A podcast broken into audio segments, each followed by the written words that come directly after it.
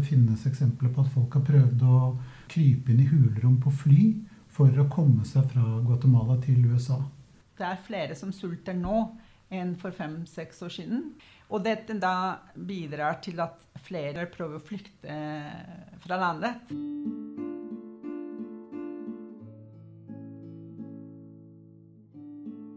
Guatemala har den sterkeste økonomien i Mellom-Amerika. Men kun et fåtall av landets befolkning har tilgang til rikdommen. Etter borgerkrigen, som ble avslutta i 1996 og varte i 36 år, har vold, korrupsjon, sult og økt fattigdom vært et stort problem i landet. Nå risikerer stadig flere migranter livet og forlater Guatemala i håp om et bedre liv i USA. Hva skal til for å bedre situasjonen for befolkninga i landet? Og hvordan ser framtida ut for Guatemala i dag?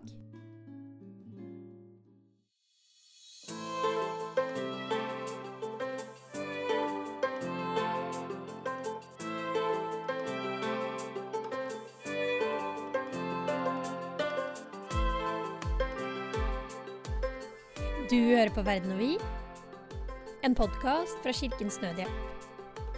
Jeg er Kristine Eid.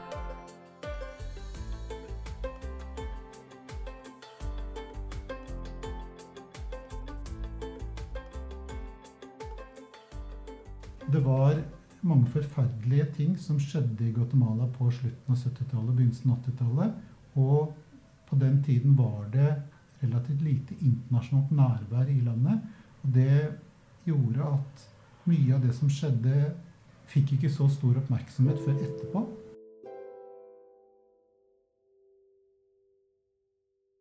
Jeg heter Johan Hindal. Jeg er landrådgiver for Haiti og Guatemala på Kirkens Nødhjelps hovedkontor i Oslo.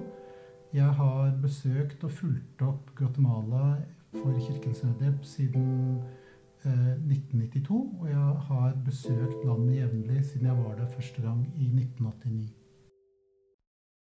Jeg tror at eh, den økonomiske situasjonen til kvinner i Guatemala er en av de faktorene som forklarer at de må kanskje leve under forhold de ellers hadde valgt å forlate. Jeg heter Mariell Aguilar-Strand. Jeg er professor i samfunnsgeografi og jobber ved Senter for utvikling og miljø på Universitetet i Oslo. Eh, Jeg kommer opprinnelig fra Guatemala. Mariell, du kom nylig tilbake fra Guatemala. Hvordan vil du beskrive situasjonen i landet i dag? Um, situasjonen i Guatemala i dag er eh, ganske prekær. Ikke bare pga. covid-pandemien, men eh, også som en konsekvens av det. Det er eh, eh, flere som lever under fattigdom. Em, vold er eh, fremdeles et stort problem. Og det er mangel på, på jobber for, for veldig mange.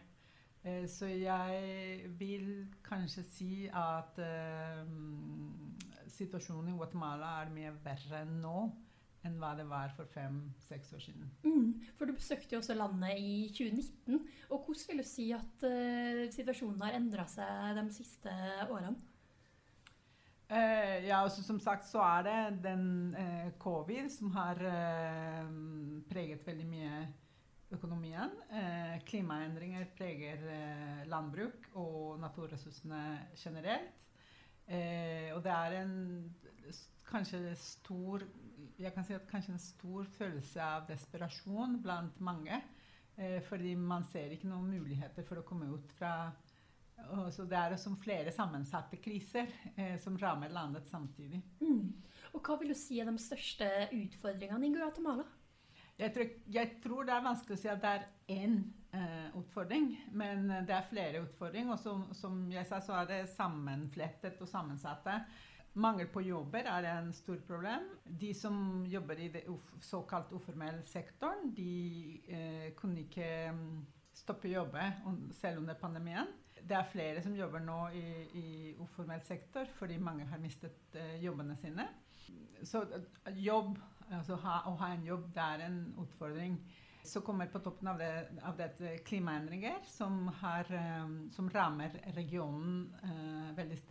Ikke bare Guatemala, men hele eh, Mellom-Amerika og Karibien. Mm. Og Hva tenker du Johan, om utfordringene i Guatemala nå? Fordeling er en veldig stor utfordring i landet. Det er en enorm forskjell mellom fattige og rike. Og sånn har det vært siden, faktisk siden 1500-tallet. Det er en utbredt diskriminering av urfolk. Uh, urfolk utgjør minst 40% av befolkningen i Guatemala, kanskje 50% eller mer. Uh, og urfolk er marginalisert i det guatemalanske samfunnet uh, i dag. En tredje ting er rettssystemet. straffefrihet, som på spansk kalles impunidad, har stor utbredelse i Guatemala. Det er sånn at kriminelle handlinger straffes ikke. De mektige og rike stilles ikke for retten eh, for det de har gjort av gale ting. Eller hvis de blir stilt for retten, så blir de i hvert fall ikke dømt for de kriminelle handlingene de har gjort. Mm. Og en av konsekvensene med de store utfordringene som Guatemala står overfor, er jo de store migrantstrømmene. Og stadig ofte hører vi om menneskesmuglere i Mellom-Amerika som fyller lastebiler med mennesker, og som har en drøm om et eh, bedre liv i USA. Et eksempel på det her var i desember i fjor, da en lastebil velta på en motorvei i Mexico.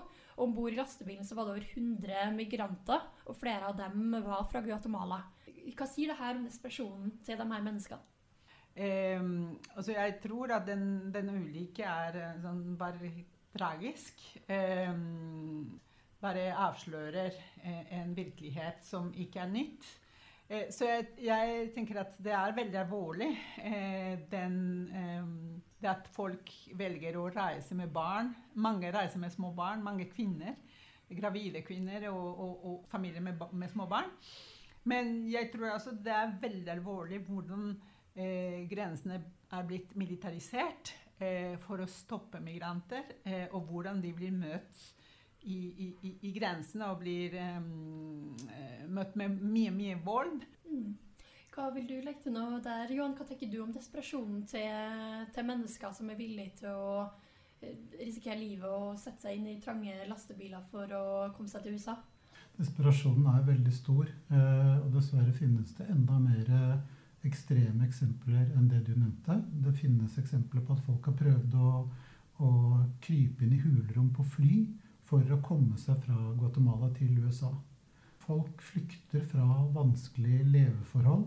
Og det er det som er årsaken til den store strømmen. Og det kan ikke løses ved at man stetter opp militære og politi på grensen til USA. Det som trengs, er at det skapes bedre leveforhold i, i både Guatemala og resten av Mellom-Amerika, der hvor folk bor, for å dempe migrasjonen nordover. Mm. Spesielt kvinner er utsatt i eh, Guatemala, og mange kvinner opplever vold. Eh, og Guatemala er et av landene i verden der flest kvinner blir eh, drept. Hvorfor er vold mot kvinner så utbredt i landet? Jeg tror at det er av flere grunner. Blant dem så er det at mange kvinner opplever vold fra flere aktører. Vold i nære relasjoner er en stor problem. Eh, men kvinner blir også utsatt eh, for vold fra politi, fra gjenger, fra kriminelle. Jeg tror at eh, den økonomiske situasjonen til kvinner i Guatemala er en av de faktorene som forklarer at de må kanskje leve under forhold de ellers hadde valgt å forlate hvis de var økonomisk uavhengige. Mm. Men det er også en holdning om at eh, kvinner er um, underlagt menn. Og ofte når kvinner prøver å kanskje rømme eller eh, endre på det, så blir de eh, angrepet.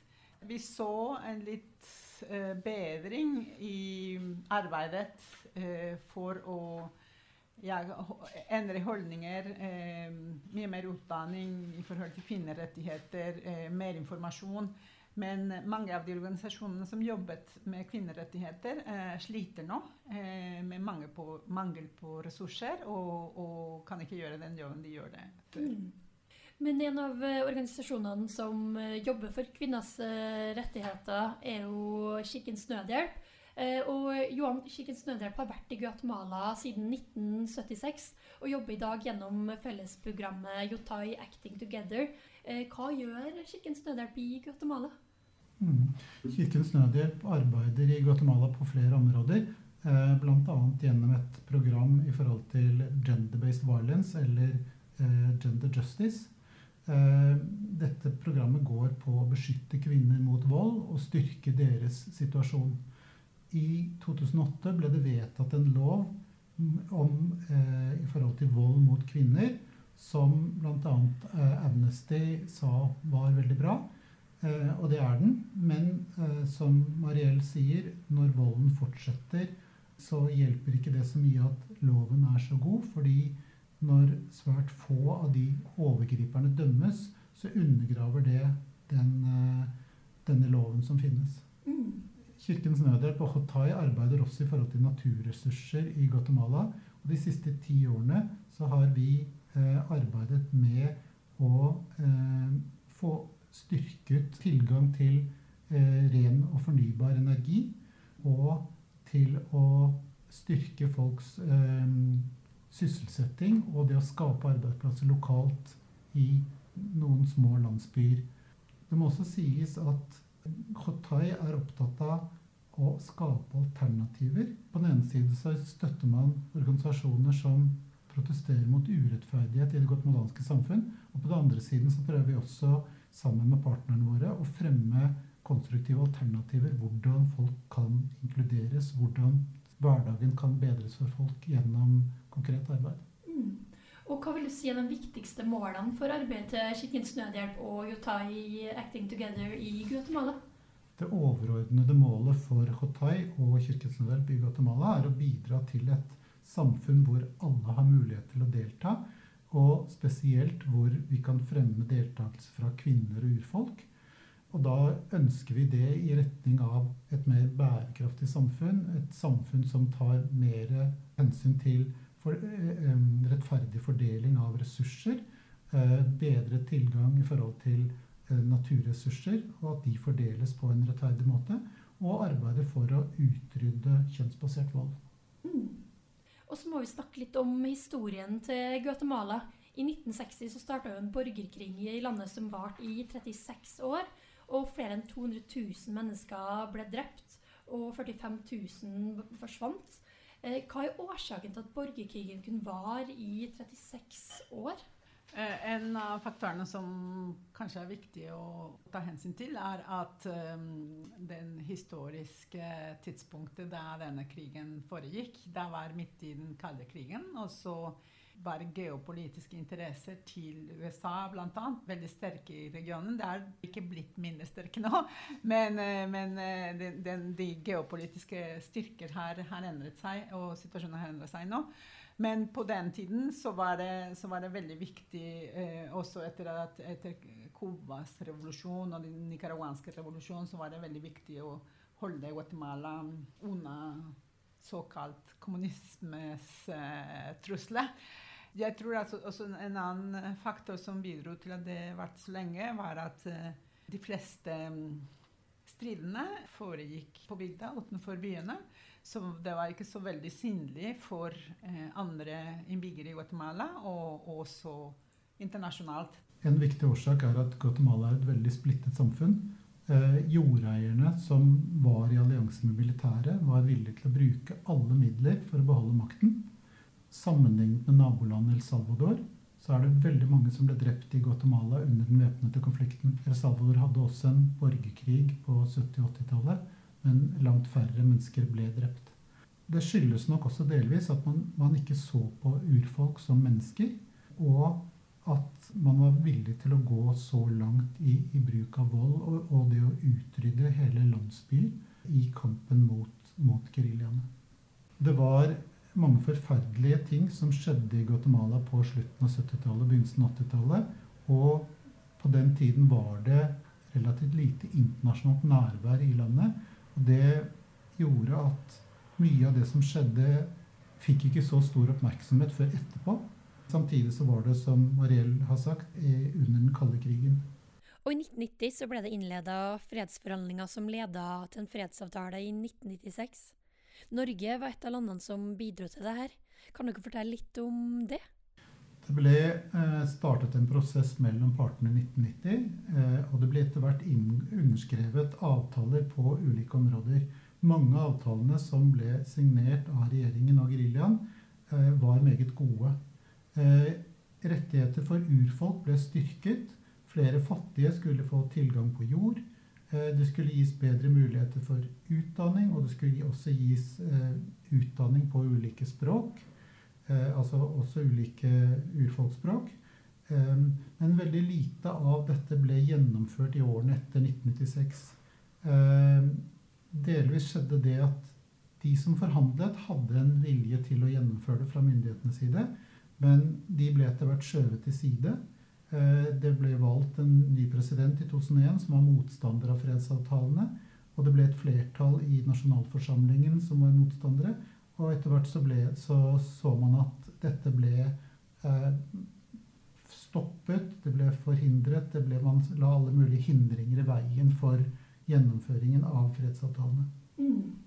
Og I dag så har Guatemala en president og et parlament som er folkevalgt. Men hva er da likevel som tyder på at landet er på vei i en mer autoritær retning? Eh, det er flere tegn på dette. Eh, ett tegn er at rettssystemet er i fare. Eh, nye lover har blitt vedtatt. Et eksempel er en ny lov om NGOs, altså ikke Eh, altså organisasjoner som ikke er eh, som staten står bak. Myndighetene har gjennom denne loven fått fullmakt til å stanse arbeidet til en organisasjon dersom den arbeider mot den offentlige orden. Det er klart, eh, Vi kjenner fra andre deler av verden denne type lover og vet at de har blitt brukt til å stoppe kritiske stemmer i mange samfunn. Og det frykter vi at vil skje i Guatemala også. Jeg, jeg, tenker at det å ha og delta i valgprosessene som eh, i utgangspunktet ikke helt er laget opp til eh, bred deltakelse Og man kan si at det er som folkevalgt, de som sitter i, i, i parlamentet og og, og, selve presidenten Jeg tror det er litt vanskelig og kanskje litt vanskelig å forstå hvordan det kan skje. Også at selv om folk går og stemmer, det er, representerer ikke egentlig sine interesser. Muligheter for å delta i politiske prosesser eller stille til valg er ikke um, tilgjengelig for alle. Ordfolk f.eks. uh, har mindre mulighet til å, til å delta i disse politiske prosesser eller organisere seg i politiske partier. Hva tenker dere om eh, situasjonen i Guatemala nå framover? Qatai, Kirkens Nødhjelp, eh, våre partnere, eh, forskere og analytikere, alle sammen er bekymret for den utviklingen som skjer i Guatemala nå i, retning, i autoritær retning. Norge er heldigvis til en viss grad til stede, og de viser interesse, og det er svært viktig at de fortsetter med. De har tatt opp saker for menneskerettighetsforkjempere. De har tatt opp saker i forhold til uavhengige dommere. Disse gruppene er jo presset. Og det er viktig at alle deler av norske samfunn nå holder kontakt med Guatemala på forskjellige nivåer for å styrke de kreftene og støtte de kreftene som arbeider for en demokratisk utvikling. Mm. Fremtiden ser dessverre veldig mørk ut. Uh, Klimaendringer er en faktor som jeg vil heve som veldig viktig. Eh, den eh, påvirker Guatemala i veldig stor grad. Nå er det blitt vanskeligere og vanskeligere å planlegge eh, hele det, det jordbrukssyklusen. Fordi regn blir stadig vanskeligere å, å, å, forutsi når den kommer. Og så er det veldig lange perioder med tørke som følges av veldig sterk regn i korte perioder, som ødelegger alt, alt som er blitt uh, dyrket. Og dette resulterer i større fattigdom, flere som blir fattigere. Og i og, med at det ikke er um, tilgjengelige arbeidsplasser eller nye, nye, arbeidsplasser, kombinert med en lav utdanningsnivå som, som gjør at folk kan heller ikke få de jobbene som, kanskje de få jobbene som er eh, tilgjengelige. Eh, så resulterer det i, i mer fattigdom og sult. det er flere som sulter nå enn for fem-seks år siden. Og dette da bidrar til at flere er villige til å ta risiko for å bli med i en migrantkaravane eller prøve å flykte eh, fra landet. Så det er dessverre ikke så veldig mye bra å si om fremtiden i Guatemala. Hva skal til for å bedre situasjonen i Guatemala da, tenker dere? Det må skje en bedre fordeling av ressursene. De fattige må få tilgang, bedre tilgang på utdanning og helse. Og urfolks deltakelse i samfunnet, særlig på politisk nivå, må styrkes. Og det er selvfølgelig viktig at eh, både den guatemalanske staten og, og folket i Guatemala får mulighet til å gjøre noe for å dempe effekten av klimaendring. For Mellom-Amerika er en av de regionene i verden som er sterkest utsatt for effektene av klimaendring. I Guatemala så trenger man eh, en skattereform og en, en, bedre omfordeling av, av, ressursene. Det er noen, uh, f.eks. sukkerindustrien, som genererer millioner av dollar i, i inntekt, men eh, disse ender opp i lommen til veldig få. Det blir ikke omfordelt til, til de fleste. Så er det også nødvendig å styrke institusjonene, eh, rettsinstitusjonene f.eks og omfordelingsinstitusjoner og alle institusjoner som kan eh, jobbe for, for, å endre eh, muligheter til folk til å ha et bedre liv.